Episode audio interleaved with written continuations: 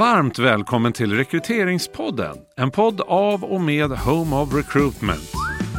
Den här podden är för dig som rekryterar, sällan, ofta eller jämt. Här får du tips, idéer och råd. Allt för mer rättvisa och träffsäkra rekryteringar. Varmt välkommen till Rekryteringspodden. Nu är det dags igen, prata kompetensbaserad rekrytering och eh, det ska jag göra. Jag heter Josefin Malmer tillsammans med min kollega Anki Stavfelt. Yes, här sitter vi igen. Jätteroligt. Ja, och, och vi ska prata om eh, employer branding. precis, lite light i alla fall. Ja, Du har ju eh, gjort det här några gånger för våra kära kunder. Sett över lite grann på en light-nivå kan man väl säga hur deras employer brand ja, syns i, kopplat till när de rekryterar. ja. För att eh, självklart så är det så att när vi pratar om employer branding så kan man ju se framför sig ett ganska stort projekt där man verkligen jobbar med ett EVP och att man eh, lyfter det här på en strategisk nivå och så vidare. och så vidare, Vilket är ju jättebra och viktigt också. Men ibland så behöver man kanske också tänka att ett första steg kanske inte är just det, utan ett första steg kanske handlar snarare om att eh, titta på hur ter vi oss gentemot kandidaterna i den kommunikation som vi faktiskt har i rekryteringsprocessen. Och det här kan ju vara någonting som man ganska enkelt faktiskt kan göra på egen hand. Mm. Kanske som ett första steg, eller någonting som ibland är lite bortglömt i de här stora strategiprojekten. Det kommer liksom senare. Men det här är ju någonting som man kan fila på alltid, tänker jag. Och kanske behöver göra med lite mer jämna mellanrum än att man liksom gör det här stora strategiska jobbet. Exakt. Eh, och då så har vi bara några tankar och tips kring hur man kan använda sig av då de, de insikter man förmodligen redan har kring ja, men vad är det vi vill kommunicera gentemot våra kandidater. Och hur gör vi det idag? Och vad kan vi då fila på? Så om vi börjar då med punkt ett kanske. Karriärsidan tänker jag då. Ja, och jättemånga har ju ändå en karriärsida av något slag. Jag menar, har vi ett ATS implementerat, vilket de flesta som rekryterar regelbundet har, eller bör ha i varje fall, så eh, har man ju någon form av eh, karriärsida. Eh, och eh, med lite bilder, med lite text om hur vi är som arbetsgivare. Kanske någon medarbetare finns med på sidan och några lediga jobb. Någonting i den stilen. Och vad ska man fundera på där då, tycker du? Vad är det liksom viktigt att kika på? Ja, jag tänker att man behöver verkligen fundera över okej, vad är det vi har sagt att vi... Vilka är vi? Förmodligen har man några värderingar, till exempel utifrån att vi är en arbetsgivare. Och vad är våra värderingar och, och, och så. Eh, och eh, då tänker jag att man behöver koppla det här då till vad är det vi då faktiskt kommunicerar i form av bildval, i form av hur, hur vi beskriver oss själva, i form av att vi eh, är öppna kanske gentemot kandidaterna utifrån hur det är att jobba hos oss. Eh, att vi kanske har medarbetare som pratar och visar om sin historia och hur det är att jobba, till exempel. Eller, ja, det kan ju vara massor av olika saker som vi kommunicerar där. Men att med, med, kanske låta någon annan också läsa det här och säga vad, vad signalerar det här för dig? Hur uppfattar du oss som arbetsgivare utifrån det vi kommunicerar här? Och, eh, och se om det är faktiskt i linje med det vi vill kommunicera.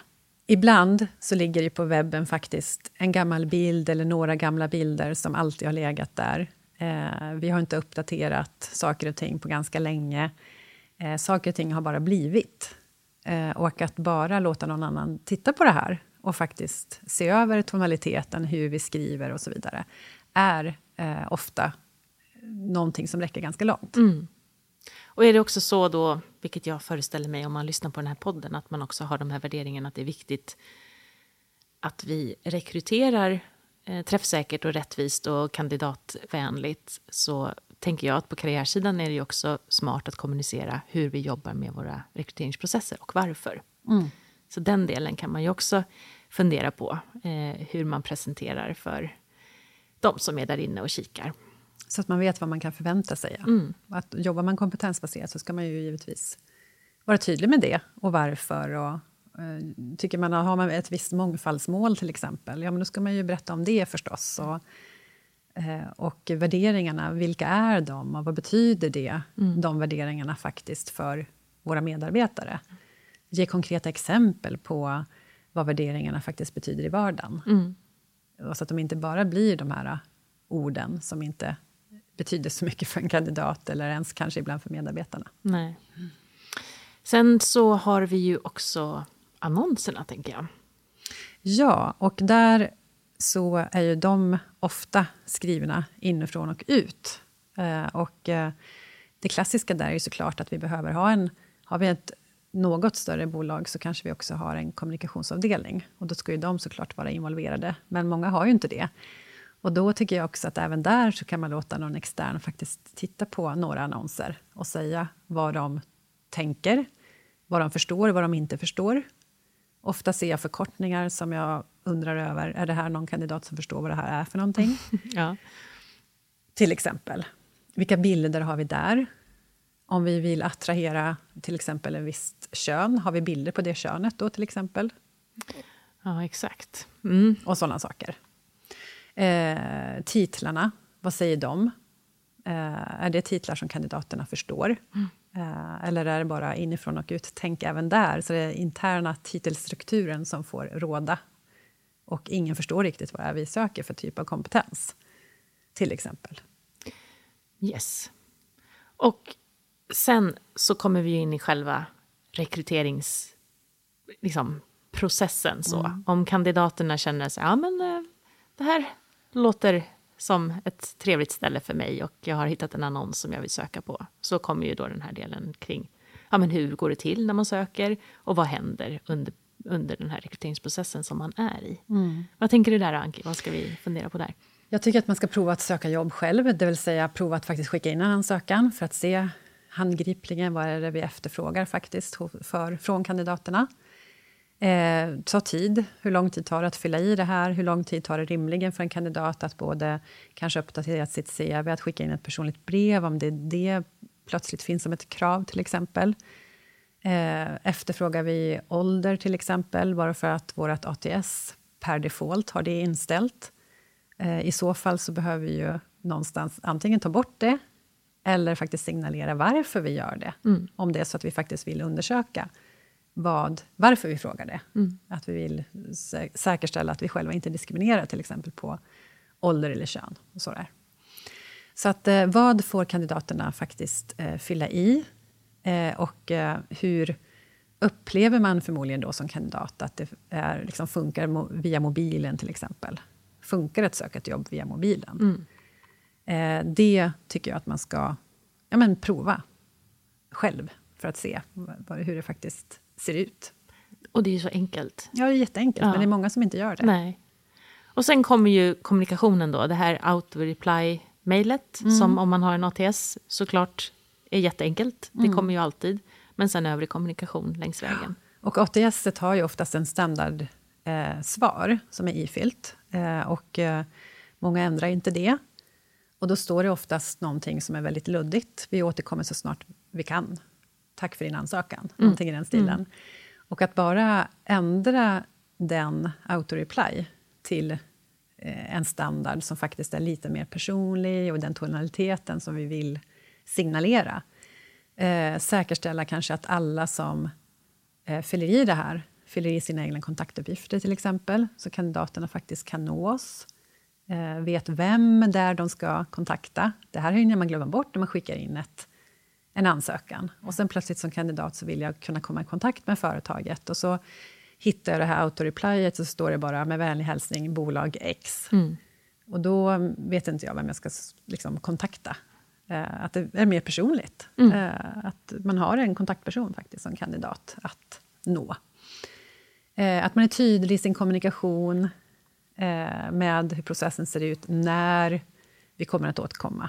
Mm kanske ger information om företaget också i den här autoreplyet. Läs gärna mer om oss här, eller du kan också följa oss på Instagram eller vad man nu har för någonting. Mm. Eh, så att man börjar sitt informationsgivande till kandidaterna redan där. Precis. Apropå det då, kandidaterna letar ju många gånger faktiskt information själva.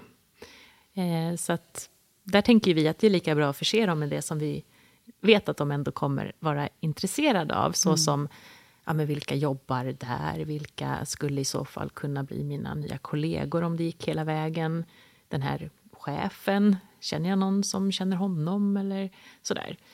Vad tänker du kring den delen? Vad behöver man se över kopplat till att kandidaten antagligen ändå Precis. kika runt lite grann på egen ja, hand. Dels tänker jag att på karriärsidan så kan man vara tydlig med hur organisationen faktiskt ser ut, vilka som jobbar där, vilka som faktiskt är potentiella kollegor. Men eftersom att vi vet att eh, kandidaterna också går in på LinkedIn många gånger, att vi säkerställer att alla våra medarbetare faktiskt har en uppdaterad LinkedIn-profil som är relevant. Mm. Så att det inte står att man jobbar någon annanstans, till exempel. Att det står några ord i varje fall om vad man gör i sin nuvarande tjänst. Att man kanske har en bakgrundsbild som är från företaget i fråga, till exempel. Mm. Att det ser snyggt och proffsigt ut. Och det kan man ju som, alltså säkerställa att alla får en mall att jobba efter som gör att det blir enkelt för alla medarbetare att uppdatera. Så. Precis. Sen så berättar du för mig också, det finns ju... Det, det första kanske man gör är ju att man googlar eh, verksamheten. Man, man googlar på eh, ja, på vad företaget heter, men kanske också googla lite vart det här stället ligger. Så, där hade ju du ett jättespännande exempel på en, en kund egentligen som du har hjälpt. Mm. Berätta. Ja, precis. Det var jätteintressant att höra som ett exempel, för det var då en skola som jag hjälpte och utbildade deras eh, eh chefer i rekrytering. Och så pratade vi ju precis om det här med eh, kandidatupplevelse och att kandidaterna faktiskt är konsumenter idag. Man agerar som en konsument, man googlar och så vidare. Och då berättade eh, en av de här rektorerna för en av de här skolorna att deras adress på Google Maps hade blivit så att säga kidnappad vid ett tillfälle. Och eh, det innebar att när man googlade på skolan, eller snarare på den här, liksom, ja, för att hitta dit så att säga, så såg man på kartan att det var benämnt som, inte med skolans namn, utan med någonting helt annat som var, ja, men det var fula ord helt enkelt. Mm. Eh, och det tog ju flera månader innan man i samarbete med Google lyckades få bort det här och få in det korrekta skolnamnet på Google Maps. Vilket innebar också att ibland när en kandidat kom på intervju på den här skolan så eh, visade det sig att de hade ju hittat det här på Google Maps i samband med att de skulle på intervjun. Mm. Och så kom de med ja, det var lite konstigt, för när jag googlade er så dök det här upp och sådär. Det är förhoppningsvis inte så vanligt, men det var ju Såklart väldigt inte. spännande. Ja, men med det sagt så är det ju bra om man ändå med jämna mellanrum googlar sitt eget företagsnamn mm. för att säkerställa att ja, men vad är det som står där ute? Mm. Vad dyker upp? Har någon skrivit någonting om oss? Mm. på den, under den senaste tiden och vad i så fall är det? Så att man kan bemöta det, tänker ja. jag. Det är inte alla gånger man kan Ändra, göra så mycket åt nej. det, men man kan ändå liksom förekomma och eh, beskriva ja. vad det handlar om. Och precis, och jag menar, är det så att en massa kandidater börjar plötsligt skriva på olika forum om oss som arbetsgivare utifrån att man har varit med om konstiga saker under rekryteringsprocessen, då får man ju se det som en tydlig feedback till att man behöver göra någonting såklart. Verkligen. Så, så det är bra koll på. Bra. Nej, men toppen. Vi brukar ju säga det att um, alltså, rekrytering det är employer branding i praktiken. Det är ju tydligt så att det man är med om i en rekryteringsprocess, det som kandidat tänker man, det, det är det som sen kommer att vara på insidan i det fall att jag går hela vägen. Så det spelar ingen roll om vi har liksom värdeord som är att vi ligger i framkant och vi är professionella och moderna och så. Om, om rekryteringsprocessen inte lever upp till det, eh, såklart. Men också tvärtom, tänker jag. Så det finns ju en fantastisk möjlighet att göra en riktigt schysst employer branding satsning kring själva rekryteringsprocessen om man nu inte har kommit så långt med sitt EVP i övrigt. så. Ja, men exakt. Mm. Och det handlar ju liksom i, i det stora hela om att faktiskt sätta sig i kandidatens skor någonstans mm. och titta Inte ut sitta i skorna, Anki. det kanske blir svårt. ja, men eh, att titta på eh, oss som arbetsgivare, mm. potentiella arbetsgivare, ute, med utifrån perspektivet mm. i alla de här olika delarna. Så kan man säkert hitta någonting att skruva på.